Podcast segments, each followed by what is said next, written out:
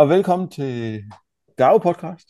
I dag er det med Ark Lindrun Adventures, som har været i øh, Kroatien og givet den gas her i maj måned. Og hvad er det? Er det ikke ved at være 14 dage siden, at øh, I kom hjem? Og øh, er ved at komme jer ovenpå det sådan stille og roligt?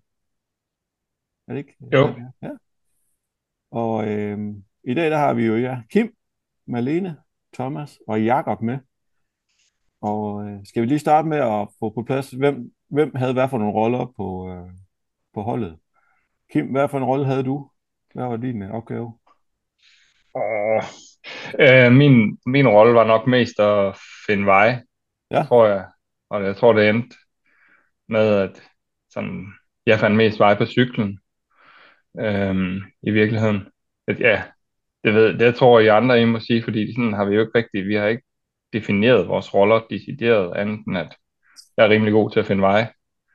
Ikke altid i Kroatien, men øhm, i, I Danmark plejer det at gå fint. Ja. Øhm, Ja. og så er jeg god på en cykel. Ikke så god opad. Nej. Og synes også selv, at jeg er god til ligesom at tænke holdorienteret. Fedt. Hvad med dig, øh, Thomas? Hvad Ja, men jeg var nok, øh, jeg har jo nok været anden navigatør. Øhm, altså navigation, det har været delt, i, det var delt imellem mig og Kim størstedelen. Jeg tror faktisk ikke, var der på noget andet tidspunkt nogle af andre. Du navigerede lidt med Lene på et tidspunkt. Ja, men, men ellers så, øh, ja, det er ligesom, det har, det har ligget hos, øh, hos mig og Kim, og så, øh, så har de andre, de har, de har haft de andre, de, de andre opgaver her. Ja. Mhm. Ja. Ja. Og Malene, du sidder lige ved siden af Thomas. Ja. Jamen, øh, jeg blev faktisk skrevet på som øh, kaptajn, så øh, jeg blev til øh, The Captainess. Og øh, jamen, jeg havde, øh, jeg prøvede på at strukturere det lidt, øh, sådan når vi er på vej ind i nogle TA'er, og øh, finde ud af, hvad vi, hvad vi lige skulle, når vi kom dertil. Øhm, så jeg prøvede på at, at holde, lidt, holde os lidt ajour med, med med tiden, om vi var forud eller bagud i forhold til den planlagte tid, og holde øje med, med roadbook. Mm. Øhm, Og Jakob, var du øh, humørsprederen, eller skulle du bare sørge for, at de fik noget at spise? Roadbook, og så også øh, sørge for, at maskinellet kørte ordentligt, og alle folk havde styr på deres stumper, og fandt stumper, der var væk, og reparerede ting, der var gået i stykker, og sådan noget. Så lidt alt muligt. Ja. Hvor du putte noget mad i, Thomas og Kim en gang imellem os. Det er også Så havde vi vel også vigtigt. World Tourens bedste mekaniker med dig, Jacob. Nu var det der var så meget. Vi var ret heldige. Der var kun lige, lige en enkelt øh, øh, burp, kan man sige, hvor der blev lukket lidt luft ud af et fordæk. Det var det eneste. Ellers så kørte vi uden nogen former for problemer. Så det var meget heldigt. Men det var jo så også fordi, at nogle af cyklerne fik det store service, inden de kom ud på, på turen jo. Ja, ja, det er altid godt med sådan et uh, last minute uh, check-up af, at afskifterne sidder løs, og så er det klart ting og sager, men uh, ja, det er jeg efterhånden vendet til, når man kører på cyklen igennem, inden vi starter løbet. Det er altid meget rart, at du er de opløbet. Så Jakob, du var lige alle cyklerne igennem, inden det var, at I Ja, skulle afsted. ja.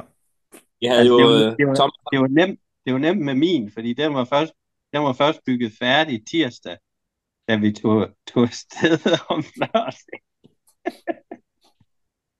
Jamen, altså, Så den var helt tip-top. Thomas valgte jo lige øh, en måned inden vi skulle afsted at vælge. Nu, nu skulle han altså have en ny cykel. Så måtte vi hu hej nå at få bestilt del hjem og bestilt stel hjem, og det kom jo, ja, var det, en uge inden vi skulle afsted. Så hans første tur, det var, det var, det var adventure racer nede i Kroatien. Ja, sådan en rigtig tur. Hvad, det var en eller anden, ja, der var en eller anden dum del, vi manglede helt op til sidst. Jeg kan ikke huske, hvad det var. Det var- det var bremser. Ja, det er vist rigtigt. Ja. Fedt. Ja, ja. Det er godt nok, så fandt jeg ud af, at min frempinde, den skulle være lidt kortere og sådan lidt. Det, så får man lige fundet ud af, hvor, hvor, hvor den, øh, den skal justeres. Det er jo også perfekt. Det er jo ligesom at på nye løbesko. Det er også bare ud at løbe maraton, så finder man ud af, hvor det er, de glemmer hen. Og så Ja, ja. kan man justere Ja. bagefter. Ja. Det er jo godt. Er det, øh, er det første gang, at øh, I er i udlandet og, og kører? Malene, jeg ved, du har været afsted før i hvert fald. Hvad med jer andre tre? Er det første gang, I er, er ude at køre i udlandet egentlig? Ja, Det er og mig, vi, vi har i sin tid været nede og køre Hartsen. Åh, men det er ja. jo kun 24 timer. Ja. Så det, det var...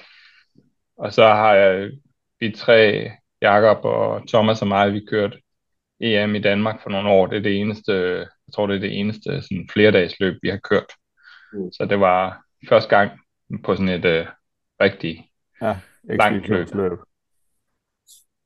Ja, fedt nok. Jamen, jeg synes Ja, også, Malena, at, Malena har jo været afsted nogle gange jo. Det kan du selv. Jeg har været i Spanien for nogle år siden, og så var jeg faktisk også i Kroatien øh, sidste år med et helt andet hold. ja. Yes.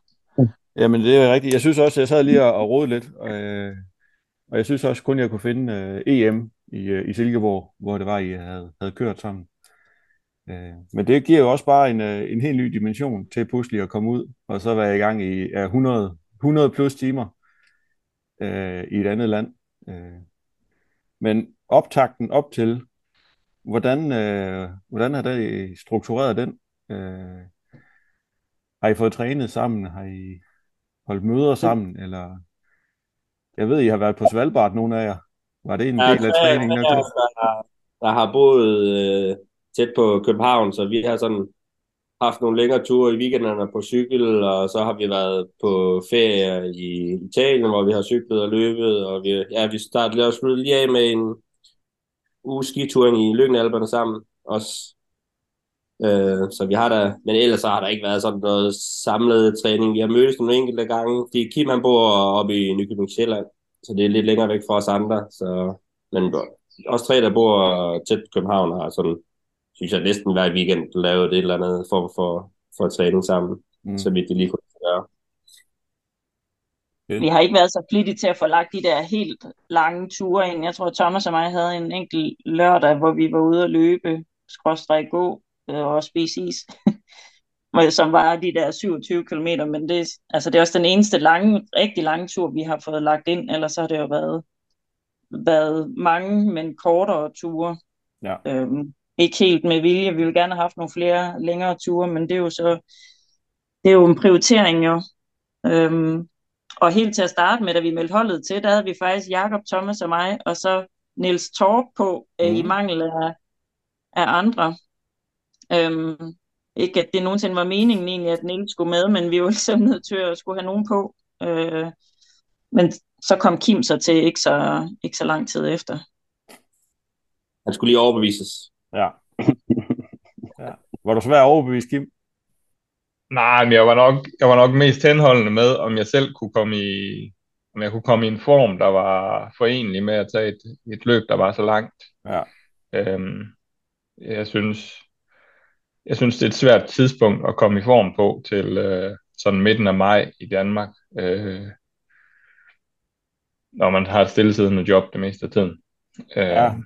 Ja, der er mange, Men- øh, der er mange mørke timer, man så skal ud og træne i, hvis det er, ja, øh, for at kunne være klar. Det er helt sikkert. Og det er også svært, når man ikke har kørt så mange af de her lange løb før, ikke? Altså så, hvad, hvad er nok? Fordi hvis man, man skal jo også passe på med at træne for meget, fordi så risikerer man overbelastningsskader og, og alt muligt andet, ikke? Så det, det er virkelig svært det her med at, at, at vide, hvor er man henne, når man, lige inden man står på startlinjen. Altså jeg følte mig da meget usikker, da vi startede med, hvad, kom, hvor lang tid kommer det her til at holde? det, det, det er svært, når man ikke har gjort det så mange gange før. I har trænet uh, Swift sammen Ja, det er hele rigtigt. vinteren faktisk. Det har vi gjort. Ja, okay. Ja. Ja. Det, det er også givet lidt på cykelkontoen i hvert fald, at, Ja. at man har, har været sammen der. Øh, Ja. Hvad, hvad, var, altså, hvad var forventningerne, og hvad var jeres øh, hold- altså hold, holdafst, forventningsafstemning, øh, inden I egentlig øh, tog afsted? Altså, nu kom Kim jo med sådan lige her i sidste øjeblik, kan man næsten sige jo, men øh, hvad har I Ej, om? Kim, han, Kim han har været, han har stået på, du har da været, altså vi har, du har da været med siden før, før nytår, altså. Så det, det, det var har før været, jul. Nå, okay. Ja, ja, ja, det- Fair nok. Det har været planlagt et stykke tid. Ja. Men hvad Men er ellers så- øh, forventnings til. Det- hele? Jamen, det var at have, altså, få en god tur, øh, og have det, øh, vi kender jo hinanden rigtig godt i forvejen, altså, øh, og vi ved, at vi kan have det hyggeligt sammen, så det var da planen, og, øh, at få det, have det sjovt med det, se noget virkelig flot natur, og øh, ja, selvfølgelig komme ud og udfordre os selv, men øh, ellers så var det jo sådan set at komme i mål, og så måtte vi jo, vi havde allerede snakket om inden, fordi vi havde set, at der var øh, valgfri poster, at Mm. dem kom vi helt sikkert nok til at, at, øh, at skære nogen af, og, øh, og hvis vi synes, at, øh, at det trængte sig på, for overhovedet at kunne nå i mål, så, øh, så vidste vi også, at øh, vi ville skære nogle af de obligatoriske væk. Øh, så vi var sådan lidt, lad os se, hvordan det går. Øh, men det havde allerede været på bordet, det der med at skære øh, valgfri væk, og muligvis også nogle af de obligatoriske. Så det var at komme over målstregen som øh, gode venner med, med kroppen i, øh, i, i behold stadigvæk. Jamen, det lyder jo som en, en rigtig, rigtig god målsætning for første gang i hvert fald, at komme ud og prøve at køre sammen. Øh, og I er stadigvæk venner her bagefter, eller er I blevet endnu bedre venner her bagefter? Ja, ja, ja. Vi er kun blevet bedre venner. Altså, man lærer jo bare hinanden bedre at kende, øh, hver gang man er afsted på sådan nogle ture. Mm. Og der er der ikke, øh, der er der ikke opstået noget splid overhovedet af at være afsted på den her tur, i hvert fald ikke, hvad jeg har fornemt. Jeg hørte oven i købet nogen, der snakkede om der, hvor øh, regnvejret havde fortaget sig, at det var blevet godt vejr igen øh, om øh, til, til næste gang. Ja, lige der tirsdag onsdag, Ja. ja. da, da det regnede over et døgn, der, der blev ikke snakket så meget næste gang. Der var det mere sådan, hvem, hvem kommer til at lægge op til det her øh, næste gang? Ja, det... Men så Det er sjovt, at det sig løbet sådan løb. Ja, det er Ja. sjovt, hvordan du vinder sig løbet sådan Lige dengang Ja. det regnede, der tænkte jeg, lort, lort, lort, lort, lort. Og så kommer solen lidt frem, og man kan se, hvorhen man reelt set kører, og det er vildt flot, og der er skov over det hele, og der er bjerge, og så ændrer stemningen sig til, til noget helt andet. Altså ikke, at den er bare dårlig, men man kan bare mærke, at man får mere energi, når man ikke bare går ind i sit regnslag, og det havler ned med regn, og man er kold tær og lidt halvvåd. ja. ja. Fedt. Jamen, øh, jeres plan, den lykkes jo. I kom jo over målstregen som et, øh, et helt hold. Øh, det er jo allerede flot, det er jo, når det er, man tænker, at det er første gang, I har været i gang i så mange døgn, og har været afsted. Men øh, lad os prøve at tage den fra start af. I, øh, inden vi øh, gik i gang med at optage her, så øh, sad jeg og grinede lidt af en, øh, en prolog, hvor der var en, der havde sat sine tasker oven i en, øh, en stor hundlort. Og, Ja, jeg startede sådan set med at både jeg fik min taske og træde i en, så kunne jeg godt dufte lidt, dengang vi stod på starten der, at jeg synes, at det lugter lidt af lort. Og så fandt jeg ud at der var lort under min sko, så jeg var så til at komme til at håndtere det at gå i noget græs, og så prøve at tørre det af. Og så efterhånden, så, vi, så gik starten jo, så kom vi løb jo afsted. Og jeg synes stadigvæk, der lugtede af lort, så jeg tænkte, "Nå, men det er nok bare noget, der sidder lidt stadigvæk under skoene. Og så skulle jeg række om på min taske for at tage en drikkedunk, og så tager jeg så hånden tilbage igen, og så er det bare smurt ind i lort. Så kan man altså godt dufte, det ikke var... Om det var menneskelort, eller det var hundelort, der står det helt i det uvisse, men så, ligesom, så, var vi- så var vi ligesom i gang. Så var Ja. vi jo, så langt vi nu kunne, indtil vi kom til en eller anden form for rendende vand, hvor man ligesom kunne skylle tasken og få, få vasket hænder og af arme også, fordi det var helt oppe af underarmen. Ja, det var jo faktisk allerede på, på de første, hvad var den der rundtur, måske en halv kilometer eller en kilometer, hvor vi så løber, måtte løbe ind på et toilet og vaske dig. Og så Ja, da ja. vi kommer ud, så, da vi kommer, så er det jo klart, når man så kommer ud fra det, så er man jo bare sidst. så er man ligesom. Ja. Så så vi ikke de andre, øh, de Ja. forreste længere. Nej. Ja. Og der gik lige Okay. lidt, jeg brugte min, min højre arm til at spise med, indtil jeg ligesom var helt sikker på, at nu var den blevet afspillet nok, der ikke var, var mere rester fra det der hundelort. Ja, Så jo, det var meget ja. Måske skal man også lige sådan, at starten, den, den var jo allerede, jeg ændrede der, fordi at der var, man tager til Kroatien, og vi havde alle sammen forventet, at det ville blive lækkert sådan middelhavsvejr med 20 grader i maj, eller 25 grader og solskin. Og i virkeligheden så havde vi fået en vejrudsigt, der hed ekstremt meget regn, og det havde allerede regnet ekstremt meget i det område, vi var, så allerede fra starten var løbet ændret, så den første post, vi skulle hen, den var aflyst, fordi der var oversvømmet, og den første kajaketappe var udgået, fordi at øh, floden den slåede næsten tre gange over sin normale vandstand. Så der var, hvad kan man sige, der var mange ting, der allerede havde ændret sig i vores perspektiv på det, og også vores egne forventninger til løbet, der var det jo det der med, at nu havde vi to dage. Vi havde mindst 48 mm. timer, hvor vi vidste, det ville regne non-stop i sådan et løb, og det er der jo ikke nogen af os, der havde oplevet før. Nej, det er i hvert fald en, øh, en helt ny dimension, når det er, at man er våd fra inderst til yderst, og så stadigvæk skal prøve at bevæge sig fremad. Og det er fordi, at vi havde set den vejrudsigt, så havde vi allerede prøvet på at komme det lidt i forkøbet ved, at øh, ja, nu kan jeg så også lige springe til, hvordan vi kom derned, fordi Kim, Jakob og mig, vi fløj til Wien, og så øh, havde vi pakket alt vores grej og alle vores øh, cykler i øh, vores øh, varevogn der, multivanen, og så var Thomas kørt derned, øhm, og brugte et par, øh, par dage på det, og da han så øh, kom forbi sådan en øh, Decathlon dernede ad, så købte han fire, øh, fire regnslag i øh, skrig, gul, rød, blå og grøn. Ikke sådan nogle engangs nogen, nogen der kunne holde til lige lidt mere. Ja. Øh, så, så dem havde vi med, og de har, altså jeg tror virkelig, de har reddet os fra at, øh, at fryse sådan voldsomt meget. Jeg kunne se, mange af de andre, de havde fundet skraldesække og sådan noget til at trække uden for deres Gore-Tex-tøj, fordi det er bare ikke nok, når øh, himlen den står åben i halvandet døgn i streg. Nå. Fedt. Jamen, øh, det var da en god køretur, du havde dernede så, Thomas. Ja, altså det var, det var lidt efter, øh, jeg tror, jeg kan ikke huske, om det var, da vi var i Italien. Øh, jeg, jeg kan godt lide at køre sådan en længere tur og høre lidt lydbog og sidde og hygge mig lidt på autobahn, men det er ikke alle mennesker, der er lige gode til det. øh, og man, især ja, Malene, når, når Malene hun har siddet fire timer i en bil, så begynder hun at kravle rundt på, på panelerne, havde han sagt.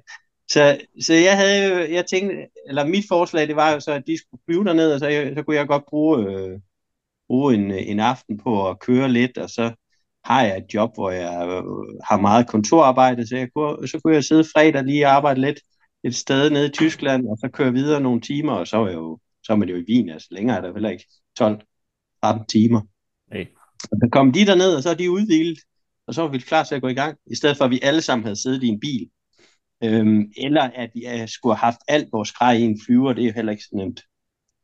Øhm, ja, så det blev løsningen. Det var perfekt. Ja, ja. Jamen, det er da en uh, fin måde at gøre det på i hvert fald. Ja.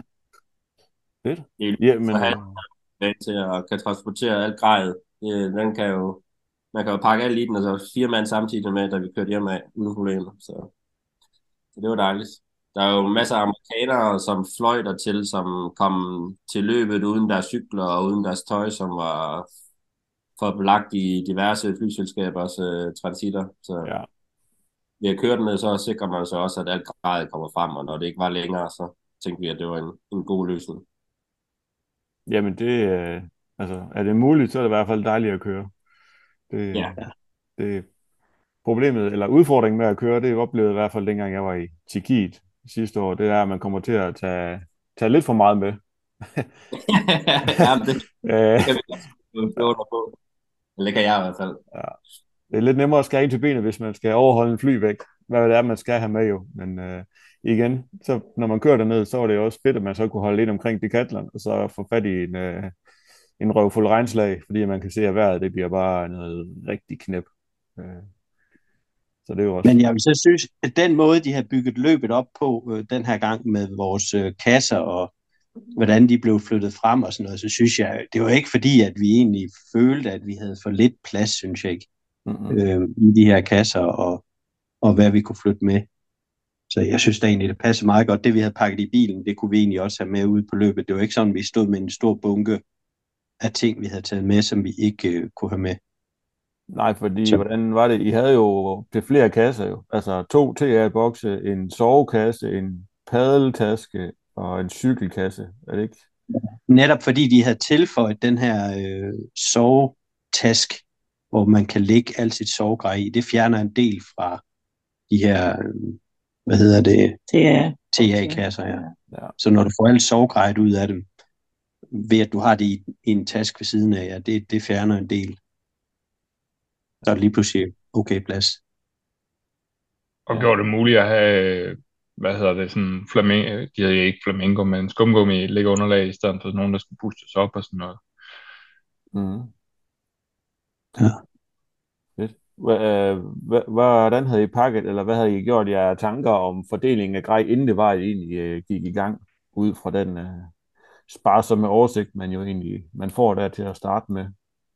Fordi du har jo ikke, du har ikke tilgang til sovekassen i alle TR, for eksempel, og er jo alligevel lidt delt op med, hvornår man har den.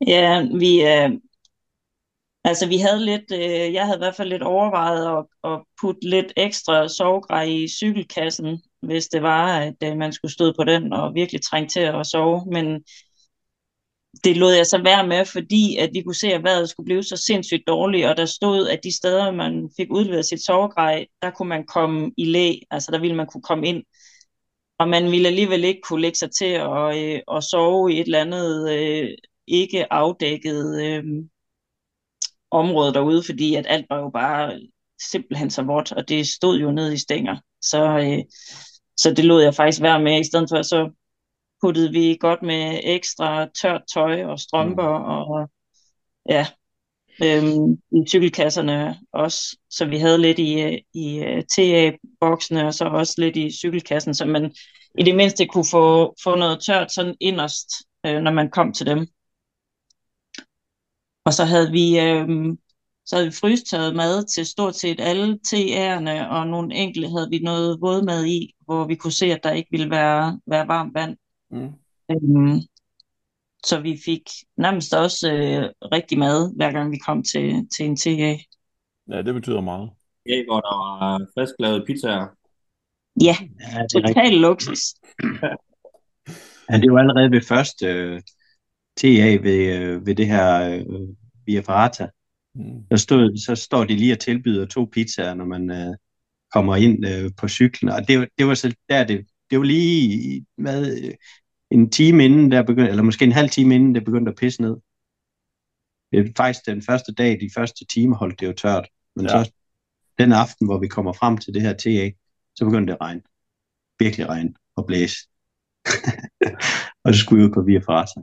Ja, det det var en god, Ja. det var en, det var en god, øh, god historie, fordi vi kommer frem i mørke, og det har gået fra at være en lækker solskinsdag, til det bare virkelig bliver mudret, og, og vi går rundt op i skyerne, og skal lave en Via Ferrata, og man kan ikke se 10 meter, altså hvis, hvis de andres lygter er 50 meter væk, så er lygterne ved at være væk, simpelthen pandelamperne.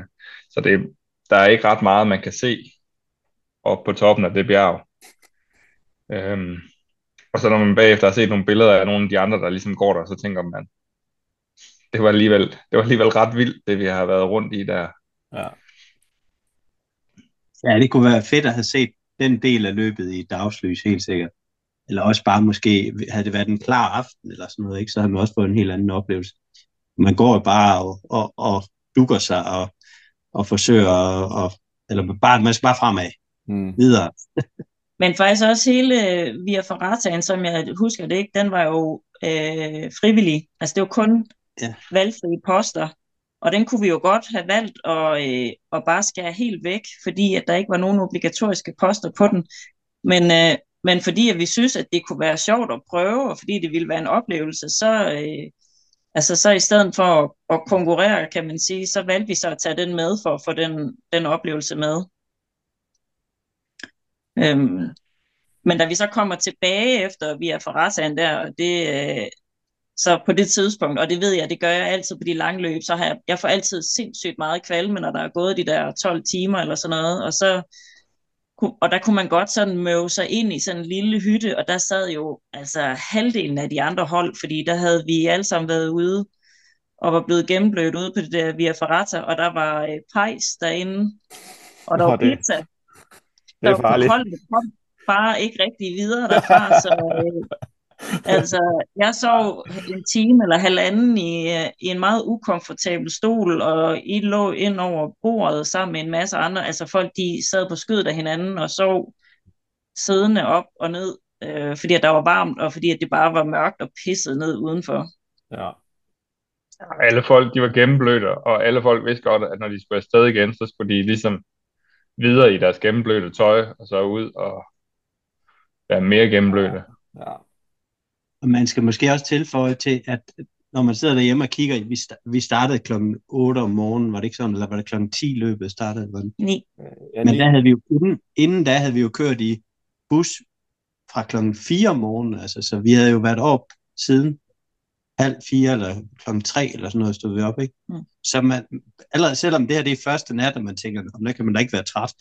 Det, det var man, fordi at, og, og den, den nat, søndag til mandag, hvor, hvor meget sover man der? Man har totalt tankemølle over alle de ting, man skal huske, og har man nu fået pakket det der ned, og er det der med, og ja, så, øh, så vi var allerede ved at være lidt træt der den første nat.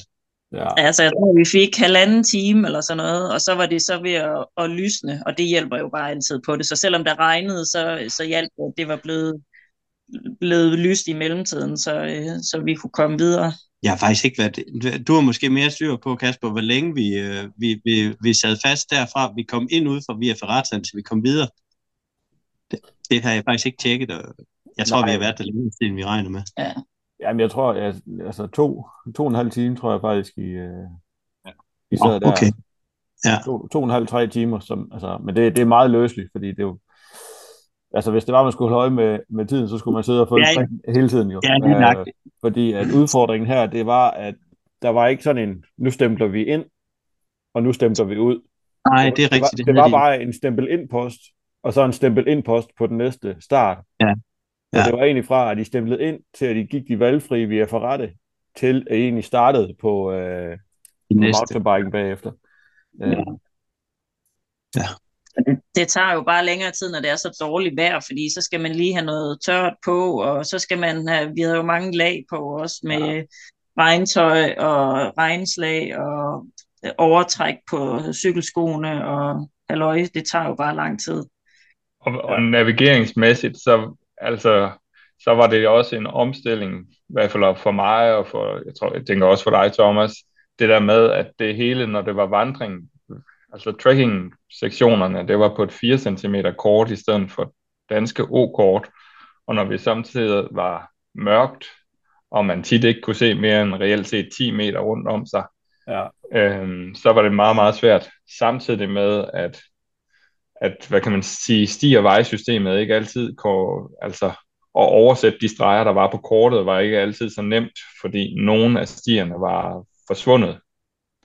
Simpelthen, de, de, de så ikke ud, som de så ud på kortet. Det tog os nogle dage at begynde at forstå, øhm, hvordan øh, signaturerne sådan set var i forhold til, hvad man kunne forvente sig af stier og veje. Ja, det var, det var meget øh, overordnet kort. Altså, de, øh, det, det, det kræver noget for... Man kan jo ikke sige, at det... Øh, der er jo andre hold, kan man sige, der får det til at se nemt ud og navigere på sådan et kort der, men øh, det kan jo også være svært. Der var sådan nogle, for eksempel så på vores kort, der havde vi Igor, der var løbsleder, han havde ligesom sendt ud, at der var sådan nogle rødhvide pletter, der gav god mening at følge, og på vores kort, der var der mange af stierne, der ligesom var overlagt med en rød, øh, med en rød øh, streg, som vi, vi antager var en eller anden form for vandringsnetværk dernede. Men, men i hvert fald der, hvor vi var de første dage, der var det stadigvæk et, øh, et ret sketchy netværk, og det tog os nok også noget tid at lære ligesom at kigge efter de der røde pletter, fordi øhm, vi, vi var ikke helt klar over, hvad det var, det skulle bruges til sådan hele tiden.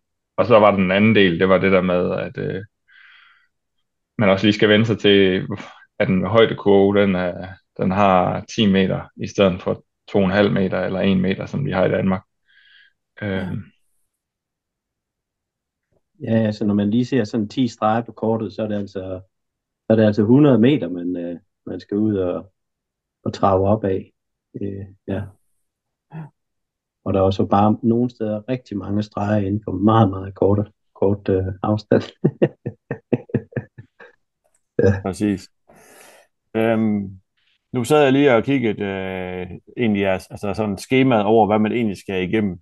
Øh, og øh, altså 80, 90 procent af det, det var jo øh, det var ren benarbejde. Jo. Altså, det var jo gå, løb, gå, løb, cykel, cykel, og så derudad. Øhm, Jakob, jeg går ud fra, at du er, du er glad for alt det der på mountainbike. Øh, ja, det var, gjorde mig, ikke, ikke så meget at, at slippe for det. Men øh, for en gang skyld, nu havde jeg faktisk trænet lidt det der løb, øh, og op, op, opgang og nedgang. Ja. Blandt andet ude på video ude på Amager Bakke efter, efter arbejde, så, så jeg synes faktisk, det, det gik overraskende godt i forhold til, hvordan det plejer at gå på alt, hvad der hedder med bevæge sig til bens. Så, så jo, men det kunne da have været rart med nogle enkelte afbræk med en uh, kajaketappe, som vi ligesom havde set frem til. Han har jo, Igor havde postet nogle ret vilde billeder af de områder, vi skulle sejle, og med sådan krystalklare vand og virkelig flotte scenarier. Ja. Vi var lidt, lidt, lidt skuffet dengang, vi fandt ud af, at alle de der flotte etapper blev aflyst, men der er ikke andet for, at til synligheden for, at han laver løbet igen næste år i nogenlunde samme område, er der jo nok, så, så må man jo ja. Gå ned igen, og så se, om man ikke kan være lidt heldig med vejret. Man kan da så uheldig med vejret to år streg, altså. Nej, jeg tror, det var meget uheldigt i år i hvert fald med det, men... Uh... Ja, altså også det år, I var dernede, hvor det blæste så meget, og på kajaketapperne. Jeg tror, det er lidt derfor, han ligesom havde fået brændt nallerne lidt ved den, og så tænkte jeg, nu flytter vi det ind i landet og på noget andet, og så regner det så bare fuldstændig Ja, sindssygt. Så. Ja, ja. men ja, apropos det der med, at det så stort set kun blev cykel og løb, så, øh, så vi skulle have haft et cykeltræk med. Øh, fordi Thomas han fik ondt i knæet undervejs. Øh, og så er det, det er bare anstrengende at skal skubbe folk på cyklen, når man er ved at have hånden i ryggen på den. Og det, altså det gjorde vi jo ind imellem øhm, og var af at gå og sådan noget, der, øh, der skulle vi have haft et, øh, et træk med. Ja. Så det kan vi sige, at de tre også havde oplevet til EM, at vi overhovedet ikke brugte vores cykeltræk, fordi at vi ikke havde, øh, der havde vi simpelthen ikke energien til, altså der, der var for, vi var for ens i det, det energiniveau, vi havde, og i Danmark, der var der heller ikke ret mange steder, hvor det sådan for alvor gav mening at have cykeltræk, fordi man, der er lidt mere navigering, end der var dernede, Øhm, med at dreje til højre og venstre hele tiden. Mm. Ja, sådan er det. Når det er, man er, når man oplever det der med at komme til at køre udlandet, og man egentlig opdager det der med, at man egentlig godt kan, kan cykle op af i tre timer, uden at man egentlig skal dreje til højre eller venstre, eller køre lige ud eller nedad i, i en halv dag, uden at man egentlig skal navigere, så, så bliver det bare noget helt andet. Øh, fysisk og mentalt. Øh, også bare ja. det der med at kan holde sig skarp på kortet, selvom man egentlig kører op af i tre timer, så stadigvæk vide, hvor man er hen, hvad for et sving man er i, så man ikke kører forbi den vej, man egentlig skulle have været inde af. Øh, det er også... Ja, det var i hvert fald noget, det der skete for os, det, eller i hvert fald for mig, ikke? det var det der med, at jeg godt kunne mærke den gang imellem. Så blev du også nødt til lige at tage 20-30 minutter, hvor man faktisk tænkte, nu sker der ikke noget på kortet de næste 20-30 minutter, og så må jeg forsøge at genfinde positionen senere. Ja, det er farligt. Det er farligt. ja. ja. Især farligt om natten. ja, hvis der så lige kommer til at gå en time eller halvanden i stedet for, hvor man ikke lige har fået ordentligt styr på, hvor man hænder, så shit, man. Nu skal vi lige have fundet ud af det. Vi er backtracket. Ja. Men en, en anden ting, der så også skete, øh, fordi at vi var så våde hele tiden, og fordi vi var meget ude at gå, det var, at, at vores fødder, de kom jo til at ligne øh, svampebob firkant nede de der sko der. Især Thomas' fødder, de, øh, det så ud som om, der var svampinong, champignon på vej ud af den. Øhm, men øh, så havde vi så nogle timer i soveposen der, og så er det helt fantastisk, som sådan nogle fødder, de alligevel kan øh, komme sig, altså. Ja, det var faktisk også en af mine, uh, mine spørgsmål til, uh, til alt det vand, der var kommet, uh, og så skyttegravsfødder. Hvordan I hver især og som hold har, har håndteret det, fordi det er jo, kan jeg sige, det, altså tophold og alle mulige, de kan jo bare udgå, så nemt, hvis det er, at man får skyttegravsfødder og øh, ikke passer på. Øh, hvordan, Altså, hvordan greb altså I jeg havde jo jeg havde været lidt for fedtet med, øhm, med vaseline på. Ja. vi, var- vi, vi, bruger, vi bruger vaseline øh, og, og har gjort det der øh, til EM, hvor vi også havde rigtig meget vand. Øh, nogen kan jo få problemer med, at vaseline over tid øh, godt øh, nærmest kan begynde at, at gå i huden, øh, men det har jeg jo ikke haft problemer med, selv efter 3-4 dage med det på. Mm. Så, øh, det, men jeg havde simpelthen bare været for fedtet med det fra starten af. Jeg skulle have haft et, øh, et øh, tykkere lag på, og så også have ført det på. Vi havde nok haft en eller anden mulighed undervejs, hvor jeg måske har skiftet strømmer, men hvor jeg ikke har fået lagt et nyt lag på. Øhm, og det er det, der skal til, for, for jeg ikke får problemer. Og det havde jeg bare været for fedtet med. Så ja, det var, det var da vi da vi lå ved den her øh, idrætshal, hvor vi ligesom, jeg kan ikke huske, hvor- hvornår det var. Jo, det var, Søvn med. Del Nietzsche. Ja, der var jo ligesom, øh, på et tidspunkt blev vi stoppet af Igor, hvor vi var blandt de sidste øh, hold, der skulle videre ud på en vandretur, hvor vi simpelthen blev stoppet op, og så blev vi bedt om at gå en anden vej, os og så øh, belgierne og, og hvem der ellers lå, lå i, i, i samme tid som os, øhm, hvor, vi, øh, hvor vi blev bedt om at, at hoppe nogle poster over, og så, og så gå en anden vej, og den der nattur, vi havde der, der, der øh, fik vi virkelig meget vand, gik, Mm. og så kommer vi frem til den hal der, og så da vi kommer frem, der er mine fødder sådan rimelig øh, godt hævet op. Og jeg tænker, det, det er jeg sgu ikke sikker på, at det lige øh, er klar til, til en vandretur igen om, øh, om fire timer. Jeg kan ikke huske, hvad, hvad, hvad etape, etappenummeret var, men jeg tror, det er der, hvor du skriver til den, Kasper, hvad det er, vi, om de har hørt fra os, fordi det ser ud som om, at vi er totalt off-course. Ja. Øhm, og det var så fordi, at han, han selv havde tegnet den rute for os og sagt, I skal ikke ned og hente de poster, fordi det er totalt oversvømmet dernede, men øh, I skal så gå hen over bjerget faktisk, og vi gik jo altså ret meget off-course, kan man se på kortet bagefter. Øhm, Ja, der tegner han lige sådan i frihånd en, øh, en ny rute til os, og så de andre hold, og så vurderer han lige, ja, men her, der er de der højdemeter, som I også skal have, så, øh, så får I lige dem med på, på, på den her tur, så I øh, gør noget tilsvarende de andre, men I skal ikke hen i det område, hvor der er for meget vand. Øhm, men det, der så blev lidt ulempen for os, det var, at så er det jo kun os og det andet hold, der, der går op ad den her sti, som ikke har været brugt øh, sådan lige for nylig. Så den bliver bare mindre og mindre og, og forsvinder lidt ud i øh, ingenting til sidst. Og der, der, øh, der far vi, far vi også lidt vildt op. der var vi totalt vild, og, øh, og fordi at, så kommer man til at stå stille, ikke? fordi at der skal kigges kort, og kigges kort, og kigges, kigges kort. Så bliver Jakob kold, så vi må have sådan en survival blanket frem og få pakket ind under jakken. Øhm, og det er så faktisk også det, der leder til, at vi laver det der kæmpe, øhm, hvor vi skærer to hele etapper væk, fordi vi kommer ned derop fra, vi har været tot, faret totalt vild, Mm. og har øh, været ude og vandre hele natten, totalt våde. Øh, Thomas' fødder er hævet helt op, og Jakob han er frosset derop og sådan noget. Og det er så der, vi så beslutter os for at, øh, at skære to hele etapper væk. Ja. Øhm, Hvor havde vi været lidt, lidt mere friske i hovedet, så skulle vi måske nok have skåret noget væk senere hen for at få en længere række af obligatoriske poster. Men det er jo så det, der sker, når man har haft sådan en hård nat der, så tager man sådan nogle beslutninger.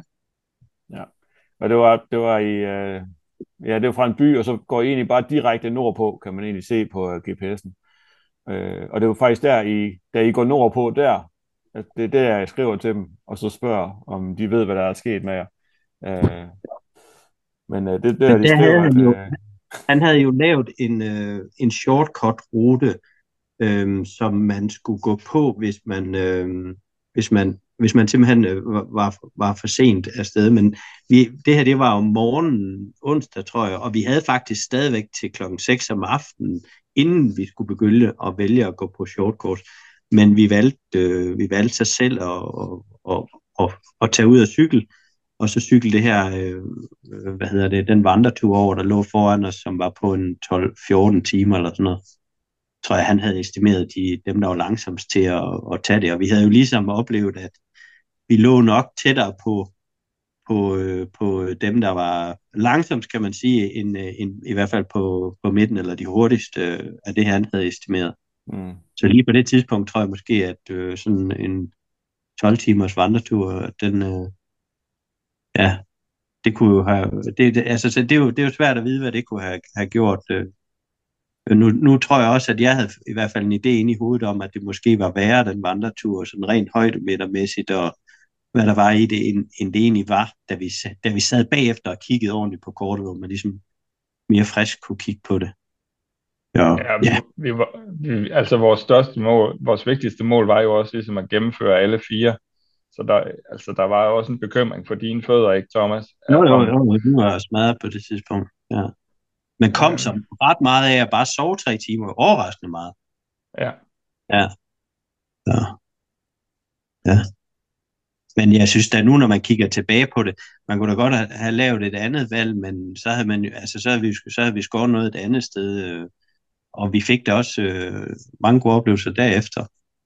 Var ude og køre noget Rolling Hills, som han kaldte det Igor. Ja, ja, det der, det er bare lige lidt Rolling Hills til sidst, den sidste cykeltur. Det tager, det tager, det tager jeg halvanden time at finde de der poster. det var øh, nogle, ja, der var mange sjove oplevelser bagefter også. Ja, men han er, han er, meget, han er meget optimist, Igor. Han, ja, det. det må man vel sige. Der er, ja. ikke, der er ikke noget, der er umuligt i hvert fald. Nej. og det kan også godt være, at det har været Rolling Hills, hvis man har haft øh, totalt friske ben og lige har stået op efter en 10 timers lur. Så, øh. ja, jeg vil sige, man skulle have noget fart på ned ad bakke, hvis man skulle kunne rulle op af, af den bakke, der Ja, vi skal næsten fortsætte fra der, hvor vi, hvor vi tager den der genvej. Det er også fordi, at der var udsigt til sådan en 100 på, på, på road, med, hvad hedder den, roadbooken, der stod der jo, at der var 115 km cykling på den anden side af de her vandringer. Og der var vi nok, øh, vi var lidt bekymrede for, om, om vi simpelthen ville gå helt koldt i alle de ting, fordi det var 115 km i meget, meget øde terræn. Mm. Øhm, så dem valgte vi at tage, og det regnede jo stadigvæk øh, næsten non-stop på det her tidspunkt. Øh, og så først så cykler vi en masse nedad, og så cykler vi opad i mange timer. Øhm, og så kommer vi hen til et sted, hvor vi har fundet ud af, at vi lige kan lave en genvej, hvis vi okay. lige skubber, hvis vi lige skubber cyklerne hen over den her, det her lille bakbjerg. Der er alligevel ikke mere end jeg ved ikke, 300-500 højdemeter, vi skal, vi skal op over, og der de er måske fordelt på en kilometer eller sådan noget. Der er i hvert fald ikke, øh, det, er, det er meget, meget, meget stejlt, da vi kommer hen til det. Øh, og vi forsøger alligevel ligesom at slæbe øh, cyklerne op af det her hjulspor, og fordi der regner så meget, så er alle hjulspor dernede, det er jo bare sådan en stor kampesten, man, man nærmest, altså, de er vasket helt, helt væk. Mm. Øhm, så det bruger vi vel også, hvert fald hurtigt halvanden time på at stå et eller andet sted ude i en skov og finde ud af, om vi skal køre den vej op over, før vi ligesom finder ud af, at vi skal tage omvejen, der måske er 4-5 gange længere, men at man kan cykle hele vejen. Ja. Det var nok, det var for en led i dag, at vi natten før var blevet låst på toppen af et bjerg, så var vi nervøse for, at det samme skulle ske en gang til. Men så var det, at øh, solen den begyndte at komme, og så, øh, så blev det lidt bedre. Øh, altså vi, øh, det, er, det er lidt svært, fordi at nu det er, man, når det er, ruten den er, som den er, altså at man cykler, og så trækker man, så cykler man, og så trækker man, så er det jo svært at dele den op sådan og sige, at på den etape gjorde vi det, fordi at du har ikke lige det der øh, break der, hvor du lige har en kajak øh, midt i det hele.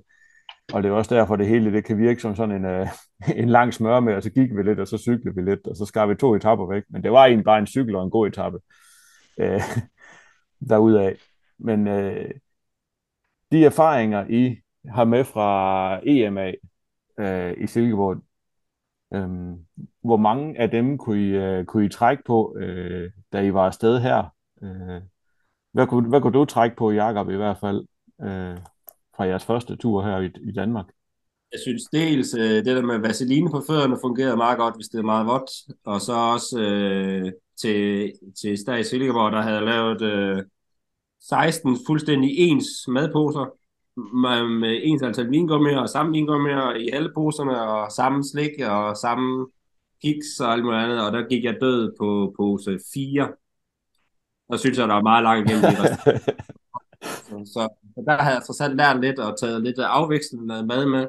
Ja. Øh, noget, som ligesom kunne give et afbræk i, i sukker, sukkerstanden, så vi havde sådan nogle wraps med, med noget øh, smørost i, og jeg havde øh, almindelig knækbrød, og så taget sådan en øh, kyllingeleverpostejs paté med på dåse, som kunne holde sig uanset temperatur og alt muligt andet. Så det, det synes jeg, at det var en af læringerne fra det første løb, det der med, at du skal have en afvekslende kost, at det ikke bare skal være ren, ren sukker øh, fra, fra morgen til aften. Også det med, at vi havde, der var så mange af TA'erne, hvor der var, hvad hedder det, varmt vand, så bare det med, at man lige inden man, når man kommer ind, så får man lige sådan en øh, frysetør mad med noget rigtig mad. Og det var virkelig også en, øh, en god ting. Så der har vi prioriteret, at i alle de her skiftezoner, hvor det var muligt, så skulle vi have noget almindeligt mad, fordi at, for ligesom at bare få et lille afbræk i, i kosten. Så det synes jeg, det var sådan de erfaringer, man havde gjort sig fra, fra det forrige lange løb, at, at afveksling er en, øh, en god ting. Ja, det, det lyder jo godt.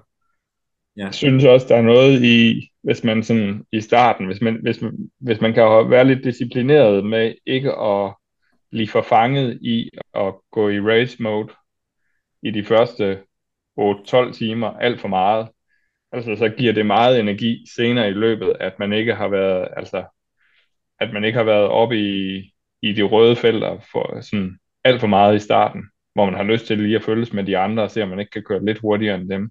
Mm. Men for, for mig, der giver det meget energi senere på løbet. Ja. Kan jeg godt mærke.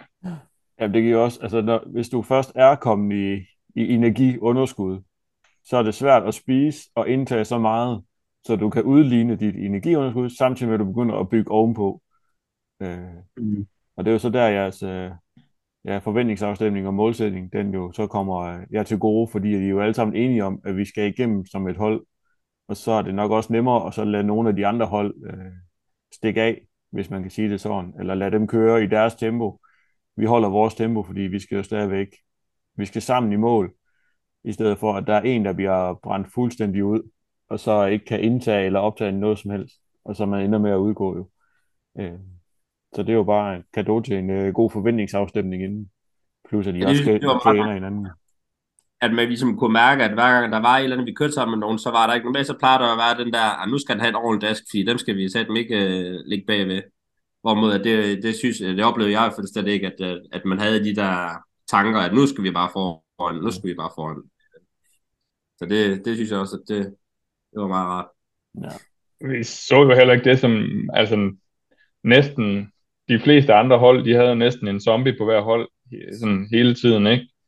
øhm, hvor det synes jeg ikke, vi havde øh, sådan på noget tidspunkt. Nej. Nej, man har jo alle sammen et eller andet tidspunkt i løbet af løbet, hvor man måske har en lille smule øh, downswing, men, men øh, så har vi jo også alle sammen noget upswing undervejs, ikke? så det, det udligner lidt. Mm. Ja. Hvornår, øh, hvornår havde I jeres øh, største øh, downswing, og øh, hvornår havde I jeres største upswing, hvis man kan sige det sådan? tror ikke, den værste downswing, det var dengang, vi var, altså den der øh, omrute, han sendte os på, det tror jeg, at det har været, øh, ja. Ikke det? Det vi start, snakkede om tidligere, hvor vi stod op på toppen af et bjerg og var lost. Ja. ja. Og i virkeligheden kun 50 meter fra den vej, vi skulle være på. Øhm, men frøs og vel hjem, og Thomas' fødder var helt øh, ødelagt, da vi kom ned til TA. der havde jeg faktisk ikke, det var ikke sådan, jeg havde ondt i fødderne der. Jeg var ikke klar over, hvordan de så ud. Det var først, da jeg kom ned i TA'en og tog skoene af, jo, at, det ligesom, at de var svampet helt op. Jo. Mm. Øh. Jeg tror, jeg havde to tidspunkter, jeg kan huske på. Det var den første nat, og det ved jeg efterhånden, når jeg kører de der lange løb, og jeg får 12 timer ind i løbet eller sådan noget, der får jeg bare sindssygt meget kvalme, og så det er jo bare ufedt. Altså, så gider man ikke rigtig noget, og øh, men øh, det ved jeg jo så, at det går over. Øh, og det gjorde det jo så heldigvis også. Så kom det heller ikke tilbage igen. Og så den der nat, hvor vi får sådan vild, og det tror jeg også, det var derfor, jeg tænkte, vi skal ikke ud og gå 14 timer ude på et andet bjerg, hvor vi så kan fare vild igen og stå og glo på hinanden og ikke kan finde ned fra. Så det var nok der, at øh, jeg var mest negativ. Mm. Og så tænker jeg, at det er et godt, et, et godt moment, som jeg husker i hvert fald, det er da den sidste sejltur i, øh, i, øh, i de her, da vi padler i mål, ikke, hvor det begynder at blive mørkt, og det var fint. Kim han padlede, og jeg sad og hyggede mig lidt. Ja, det skal sige, at vi, det var en stor kajak, og, og Thomas, han, øh, hver gang Thomas han begyndte at snakke, så holdt han op med at padle. han snakkede meget. Ja, det er åbenbart tendens til, når jeg bliver træt. det er helt perfekt. Ja. Jeg, jeg, jeg, synes, jeg synes, der var virkelig mange fede ting. Der, da vi har kørt den der lange cykeletappe, hvor det bare har regnet i 48 timer. Og så da vi ligesom kommer over bjerget, og så kører ned og ser solskin nærmest. Øh, ja, det er rigtigt. Øh, og kan mærke solvarmen. Og det er sådan et fuldstændig malerisk kroatisk landskab, hvor der er helt øde, bare bjerge og træer og enge. Mm. Og sådan. Det er virkelig, virkelig smukt samtidig. Det, det, var, det var ret fantastisk. Ja, vi kunne kigge på tilbage på bjerget, og det var helt indhyldet i en stor sky, der bare, og kamerafolkene, de snakkede om, at, øh, at de andre, de var ramt af snevejr op på ruten, jeg ved ikke Så, så tænkte vi, at det er fint nok valgt, at vi, vi lige slog lidt af her måske. ja. ja. Og så hele, der hele den sidste dag, hvor det lige pludselig var de der 25 grader og sådan mm. rigtig Kroatien vejr med solskin, at, at man også ligesom fik lov til at opleve sådan det, man troede, man skulle ned og køre i, og fik set en vild masse smukke ting i Kroatien. Det synes jeg var fedt. Ja.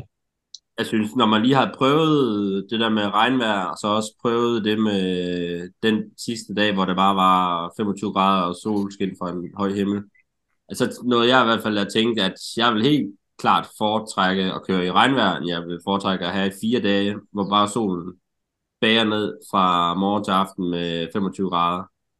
Det var lidt det, I havde der forrige år, hvor jeg tænker, at det, det må virkelig også være en, en udfordring om, jeg synes, det er lidt nemmere at kapere det der med, at du kan, det regner lidt, og det er lidt køligt, men man er ikke, jeg er ikke for ikke så udsat, når det er, det er koldt, som når det er, det er virkelig, virkelig varmt. Jeg synes, den, den første etape, hvor vi skulle løbe i relativt varmt vejr, hvor jeg havde fået faldet startet ud i lidt for meget tøj, mm. altså lidt faktisk halvkvalmet allerede de første 8 timer, hvor jeg bare tænkte, okay, det her det bliver et, et langt løb, men igen, erfaringerne fra sidste år, det var, at man ved, okay, det her det går over, så det skal bare lige igennem det. Så med det samme, vi kom af løbet og kom på cyklerne, og temperaturen begyndte at falde lidt, men efterfølgende, så havde jeg overhovedet ikke kvalmet på, på noget tidspunkt, eller var følte mig sådan dårligt tilpas. Så, og ja, ellers det gode, det synes jeg også, det var, når man, når regnen lettede, og man kunne se rundt i landskabet, mm. hvor flot det var. Det var den, den grønne lunge, som vi kalder det, der er deroppe. Ja. Øh, det er klart et sted, man gerne vil tilbage til, øh, hvis det er, det bliver, bliver muligt. Det er jo det. Jeg får i hvert fald lov til at, at få de naturoplevelser, som man nu normalt ikke får. Og så i og med, at man også er træt og presset, jamen, så tager man det bare ind på en helt anden måde. Mm. Øh, det, det er i hvert fald min oplevelse, når jeg har været i udlandet. Så ting, man tænker, man ikke tænker så meget over, når man egentlig bare er dernede på en almindelig turisttur i sådan i gåsøjne, men så tager man det bare ind på en anden måde, når man har været våd og kold i 30 mm. timer, og så lige pludselig kommer solen bare, så bliver man bare glad på en helt anden måde. Ja. Det, der også er fedt, det er, at man ikke har sin telefon med. Ja. der er ikke nogen på arbejde, der kan ringe til en. Det er bare så fedt. Ja. Ja, den er slukket fra tidlig mandag morgen til, til torsdag fredag aften. Ikke? Ja. Det var dejligt. Var slukket i 110 timer. Hvor man bare ja. er i naturen og går rundt og hygger sig sammen. Ja, øh, tre det gode synes jeg. Ja. Men øh, da I var allermest øh, nede op på det bjerg der, og I bare var, altså det var ikke sjovt at være der.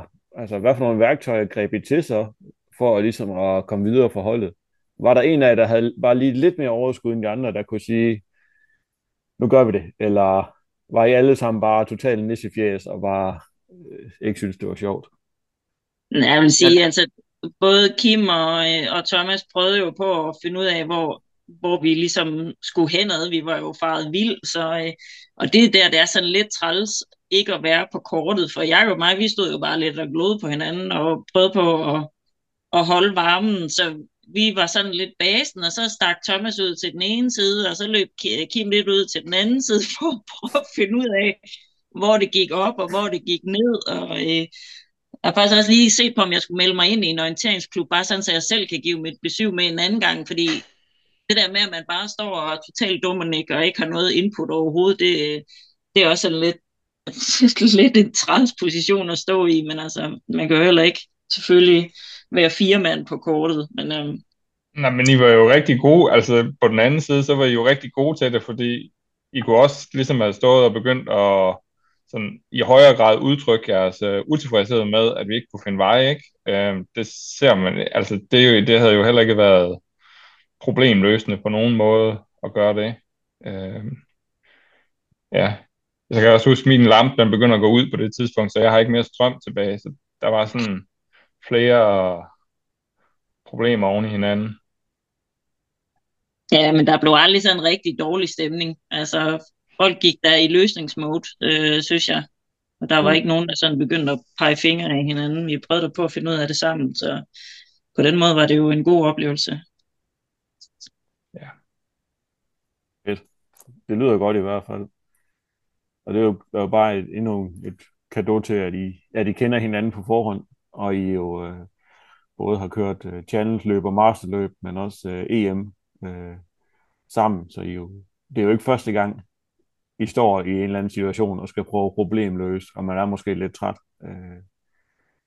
Jeg kan godt forestille mig, hvis man skulle det, og ikke rigtig kende hinanden på forhånd, at så er der nok basis for, at der opstår lidt, lidt større gnidninger, end vi har trods alt kendt hinanden i over 10 år plus, øh, og har kørt diverse løb og været på ferie sammen og holdt nytår sammen, så det er jo sådan en lidt mere samtømret gruppe, som, som stiller op, end øh, hvis det var, at man fik en, som en helt ny person ind på et, på et hold og skulle agere der. Mm. Og så have et mål, der ligesom er elastik i, ikke? Øh, altså, vi, hvis vi havde sat et mål, der hed om at tage, at vi ligesom ville gennemføre fuld bane eller sådan et eller andet, og vi alle sammen havde været enige om, at det var det, der var målet til at begynde med, så havde den været svag. Altså, vi, vi, jeg synes også, vi havde en realistisk forventning til, hvad det var, vi kunne på det her løb. Mm. Øhm, altså, næste gang kan vi selvfølgelig gøre det bedre, men der var mange ting, vi ligesom alle, eller i hvert fald tre af os skulle ud og opleve for første gang ja. øhm, i det her løb. Men det kræver jo kun, at der er en forholdet, der falder fra, så gør man det dårligere, end vi gjorde. Ikke? Ja. det var det så selv ikke. og det sker jo for mange hold. I kan bare se sidste år, hvor, de havde, hvor, de, hvor der var øh, så meget varme i stedet for, der havde han jo en, var det en 5-6 hold, der faldt fra, og i år var der kun et. Han sagde faktisk, at øh, der hvor vi kom ned op fra bjerget, vi har haft den der øh, lortenat, hvor det havde regnet så mange timer, der havde han haft ringet til et transportselskab for at sige, jeg tror, jeg skal bruge 5-6 øh, minibusser, fordi der er helt sikkert en masse hold, der trækker sig nu. Ja. Men jeg tror faktisk, der var der et eller to hold, der trak sig. Der var, det kun, var faktisk der var kun et hold, hvor hele holdet trak sig, og så var der en, jeg ved ikke, om der var fire, fire hold, hvor der var en person, der udgik på, eller fem hold. Mm. Men så kørte de videre tre, ikke? Jo. Ja. ja. Og det, havde, det var anderledes sidste år, hvor det var varmen i stedet for, at der slog folk ud. Ja. Der havde han en del flere hold, der, der, der gik helt ud. Ja. Ja, men det er jo, altså varmen er bare svær at stikke af fra. Altså regn og kulde, det kan man arbejde sig lidt mere til varmen i, og man kan beskytte sig lidt mere med at tage noget tøj på, eller øh, tage et lidt længere pause i TA. Varmen, den er der bare, uanset hvad. Øh, ja. Og jeg var jo også i Kroatien sidste år på et andet hold end Malene, hun var jo, og om dagen, der gik vi jo og håbede, at det bliver dejligt til aften. Så falder temperaturen for 30 grader, så blev det nat, så var det kun 22 grader, men du havde det stadigvæk varmt, og du gik stadigvæk og svedt, og det var, ikke, altså, det var bare varmt hele tiden. Øh, så jeg kunne godt forestille mig det der regn og det der kulde, at det faktisk er bedre at køre i. Altså for os danskere heroppe nordfra i hvert fald. Så, øh... Jeg kan sige en mellemting, altså, fordi når, netop når det regner så meget, at man, øh, at man bare går og pakker sig ind hver især i, i vores regnslag, hvad vi gjorde, Så det, det tager jo noget af oplevelsen også. Det tager noget af kommunikationen, ja. og selvfølgelig meget af oplevelsen, at man går under sin hætte. Ja. Men Og øh, det foregik jo i en sky hovedparten af løbet, de der dage, hvor det regnede. Det var jo... Ja, det er jo ikke så, man, man når jo ikke at se de omgivelser, man kører rundt i andet, end det er en skov, men man får ikke det der store view ud, ligesom man ser, hvor storslåede omgivelserne reelt set er, eller har været. Så, det er det. Men efter en øh, 3-4 dage til fods, så, så får I lov til at se en kajak. og kommer ned til kajakken og får lov til lige at padle de sidste, hvad var det, 18, 18 15-18 kilometer ja. i mål. Det, øh, hvem, hvem sad sammen? Det var Thomas og Kim, der sad sammen, og så Malene og Jakob. Mm. Ja. Ja, Det det var var bare sådan- Det var bare sådan en gudnå sejltur. Ja, Altså ned ad en, ned ad en lille å eller flod, og så ned til campingpladsen, hvor der var mål, og så var man i mål. Så det var sådan, der var ingen navigation, og der var, der var, hvad hedder det, volde på begge sider af den her dræningskanal, så man kunne heller ikke, nu sejlede vi om natten, så vi kunne se fine stjerner, men ellers så så vi vel ikke ret meget andet end den motorvejsbro, vi cyklede under, eller sej- sejlede under. nej.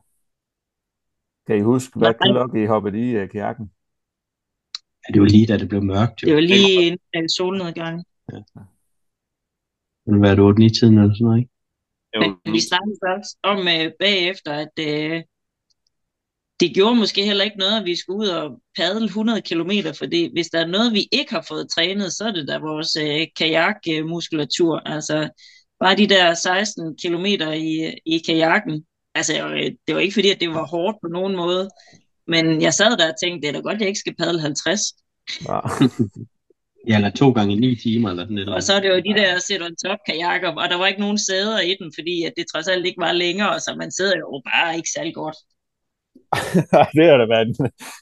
Altså, kan jeg fandme godt forstå det. Ikke? Jeg er jo glad for, at det ikke var en længere tur, fordi... Au. Ja, det er ikke sjovt. Fedt. Hvordan var det at komme i mål? Se stranden. Se lyset derinde. Padle hen imod det. Efter så mange timer.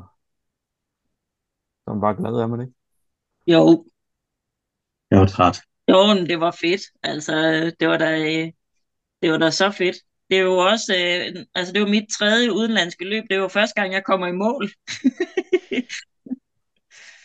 så det var da øh, total succesoplevelse for mig og for øh, hele holdet, tænker jeg. Altså, øh, og de, øh, de var simpelthen så søde, det må man også sige om det løb der. Altså, øh, Igor, han er, han er grineren, og han laver jo en, en, et virkelig godt løb, og så har han jo bare de der sindssygt mange frivillige til at hjælpe, som bare er simpelthen så søde, altså. Og de stod og ventede med øl og varm te og mad til os, og øh, det, var, det var virkelig en god, god modtagelse. Så, øh, og det var bestemt med, med smil på læben, og så var det bare hjem og sove. så var vi så ved at fare vild på den der campingplads, vi var indlogeret på. Det er simpelthen en campingplads, der kan tage 10.000 gæster. Så den er, den er pænt stor. Så vi skulle også lige finde hjem nede fra stranden op til vores øh, campinghytte der, der var vi da også ved at fare vild. Fedt. Ja, det kan helt sikkert, det her løb kan helt sikkert godt anbefales til andre folk, der tænker på at, at, at tage til udlandet og køre. Det, øhm, og de, de, de roste også, da, da svenskerne vandt igen, og, og ligesom holdt en lille tale øhm, op på scenen. Der, øh, der roser de ham også og fortæller, at han, han ligger i toppen i, i, i World Touren. Altså, det, det, de andre skal, skal kigge til ham Mm. og lære ham, fordi at han, han, han laver simpelthen det bedste, man kan, man kan få. Ja, Yes. også hans frivillige, der løfter løbet. Virkelig. Ja. Fedt. Så det var fedt. Det er også fedt, når man så møder folk derude, fordi vi mødte jo en del lokale sådan ude i de der bjerge, hvor der ellers er ret øde. Og der var jo ikke en eneste sur mine. Jo, der var måske lige en dame, dame der var lidt misfornøjet. Ellers så er de jo super søde, og så er de, de kommer ud af huset og er sådan lidt, I skal den vej, I skal den vej. Der, alle de andre har kørt den der vej. Ja, ja, selvom man træsker rundt inde i deres have og sådan noget, det er jo de ligeglade med. Fedt. Det lyder, det lyder bare lækkert. Ja, det lyder til, at det har været en, øh, en god oplevelse. Alt i alt i hvert fald. Øh, med, med ups and downs. Og øh, det lyder heller ikke som om, at det er det sidste, I skal til udlandet, som, øh, som hold i hvert fald. Øh, det lyder som om, at måske er det Kroatien igen til næste år, eller så er det et andet sted i Europa, hvor der er Thomas, han kan køre i bil hen, mens de andre i, øh, i, i flyver. ja. Det er godt sæt op for os andre. Må jeg lige, sådan, hvis man nu ikke har, jeg synes, vi er, sådan, hvis vi lige skulle anbefale nogle ting, så er det i hvert fald det der med, hvis man ikke ved det, så det der med at putte øh, vaseline på fødderne, det er en super god idé. Og øh, Marlene havde et par klipklapper med i TA'erne. Det var sådan noget, jeg var ret øh, jaloux på, at jeg ikke havde tænkt over det der med, at lige så snart du er i TA, så øh, hvis du kan smide de sko, du har på rundt i bare fødder, så i nogle minutter, så giver det også meget for, at fødderne lige kan nå at restituere. Det var, det var sådan et par smarte ting i min tankegang. Hvis det er, at man tænker, og derhjemme, og man er to-tre stykker, der tænker, jeg vil gerne til udlandet, eller man vil gerne til udlandet og køre, hvordan, øh, hvordan, hvordan vil lige så sige, at man kan prøve at gribe det an? Er det svært? Er det skræmmende? Og det, der var skræmmende, virkede det ikke så skræmmende, da I kom afsted? Eller var der noget, I blev overrasket over, som I egentlig ikke havde tænkt over? Så jeg tror, øh, fordi vi så alle fire har prøvet at køre EM, så havde vi ligesom en idé om, at alt det, der kommer op til, altså det er jo den her øh, slidte sætning omkring, øh, hvad er det, man siger, den, altså den hårdeste del af løbet er jo at komme til startlinjen, ikke? Altså alt det der pikpak, man skal have styr på, mm. for filerne, altså hvor bruger man meget tid på at samle alle stumperne og få det pakket og pakket i de rigtige kasser og frem og tilbage og sådan noget, det, det tager bare lang tid. Øhm, så jeg vil, altså, øh, nu har vi jo prøvet det før, så, men hvis man ikke har prøvet det før, så bliver man overrasket over, øh, hvor meget tid der går med at bare forberede sig til det. Øhm. Jeg tror, i for, man, man starter selvfølgelig med at køre nogle løb derhjemme, og, og der findes jo løb op til, øh, til øh, hvad, 20-24 timer i Danmark, som, øh, som kører på årlig basis, som man kan deltage i. Og den ting, man så ligesom øh, får lagt til, som man skal blive rigtig gode venner med, det er jo den her øh, cykelkasse, som, øh, som er en del af, af sådan nogle længere løb. Det her med at kan pakke sin cykel øh, hurtigt op og hurtigt ned i den her kasse og blive rigtig gode venner med den og have styr på den, og de øh, ekstra ting, man kan have i sin cykelkasse, det er, jo, det er jo noget, der bliver tilføjet, som man ikke rigtig bruger øh, på løb ellers. Så det, det, det, det er der stor fordel i at blive, blive gode venner med. Det kan man hente meget ved. Og så finder man også ud af, nu ved jeg ikke, om det er specielt det her løb, men der var jo mange hold, som var på vores niveau. Altså, der er selvfølgelig de hold, der kommer for at vinde og placere sig godt. Og så er der dem, der bare kommer for at få en oplevelse. Mm. Øhm, og dem, dem var vi ret mange af. Altså, vi snakkede med, med mange hold undervejs, som havde lidt den samme tilgang til det som os. Så, øhm, så på den måde var det jo overhovedet ikke skræmmende, at man tror, man er det eneste øh, sådan hyggehold, der kommer. Altså det, øh, det er man ikke. Ej, jeg synes i forhold til EM, så det der med, at vi havde de der kasser, vi skulle pakke ting, altså der er stadigvæk meget logistik, når man ikke har prøvet det før, men det var samtidig utrolig meget nemmere end EM, fordi at der ligesom kun var nogle få kasser, man skulle pakke det, man skulle, havde brug for ned i. Så det var ligesom det samme, der var hver sted, hvor ved EM, der var det flere forskellige tasker, man ligesom skulle planlægge sig ud af det, det, det synes jeg gjorde det noget nemmere, når man først var der.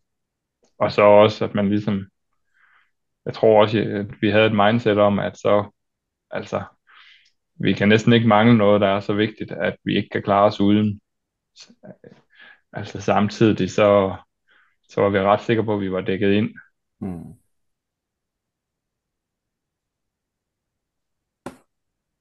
Ja.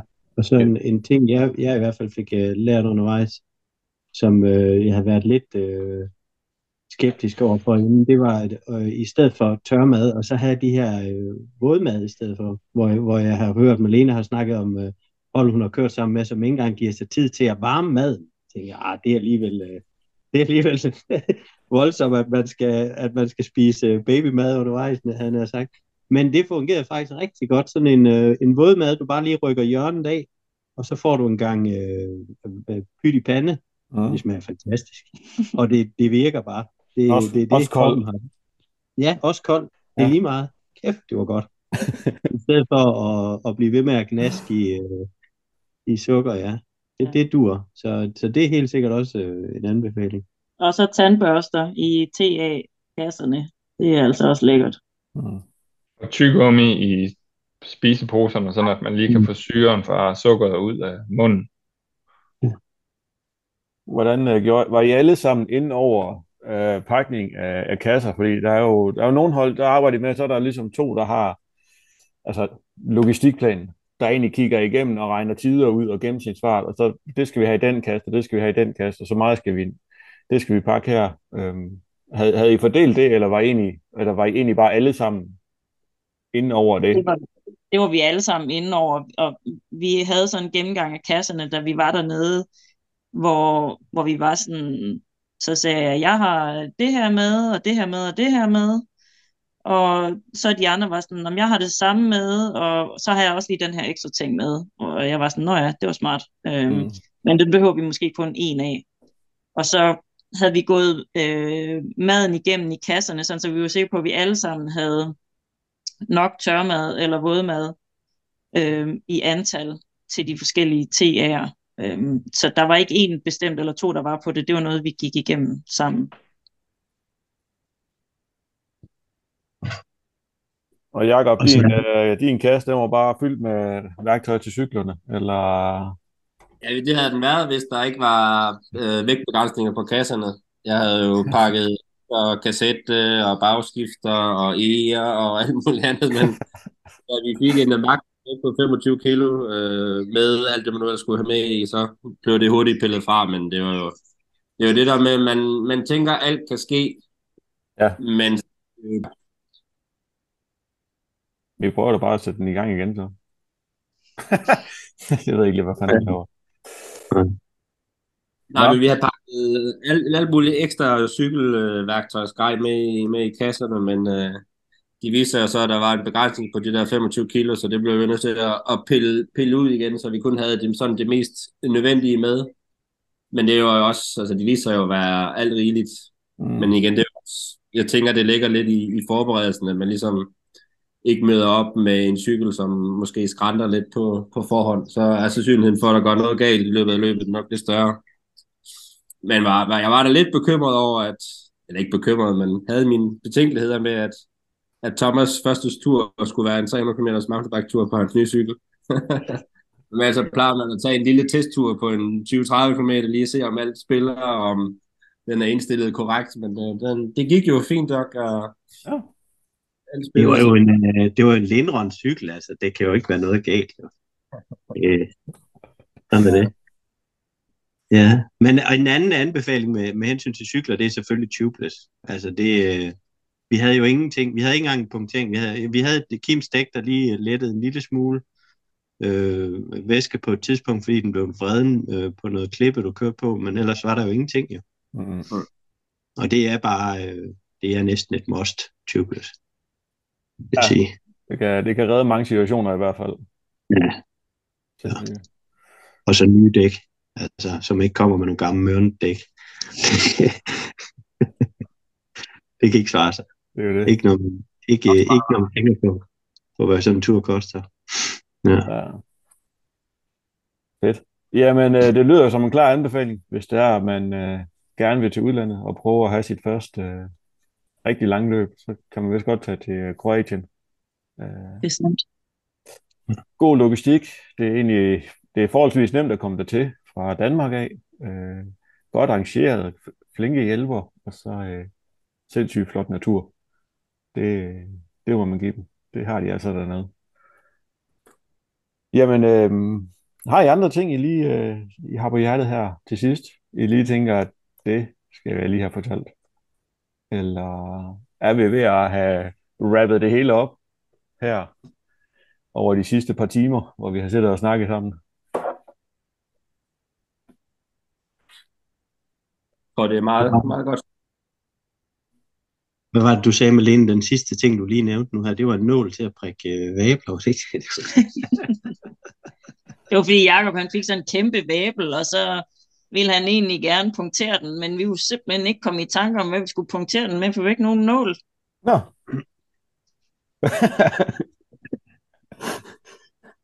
hvad, hvad gjorde så? Bed I den bare over? Eller, øh, To negle, så lige givet dem over. Ja. lige præcis. Sådan.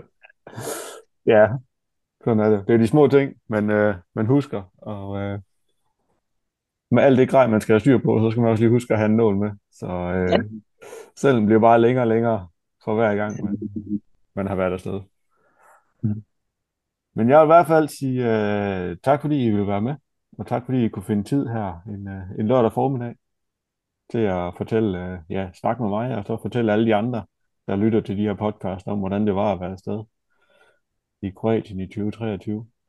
Så tak til Malene Mm. og Thomas og Kim og Jakob for øh, en god samtale. Selv tak. Jeg får nok til at være med.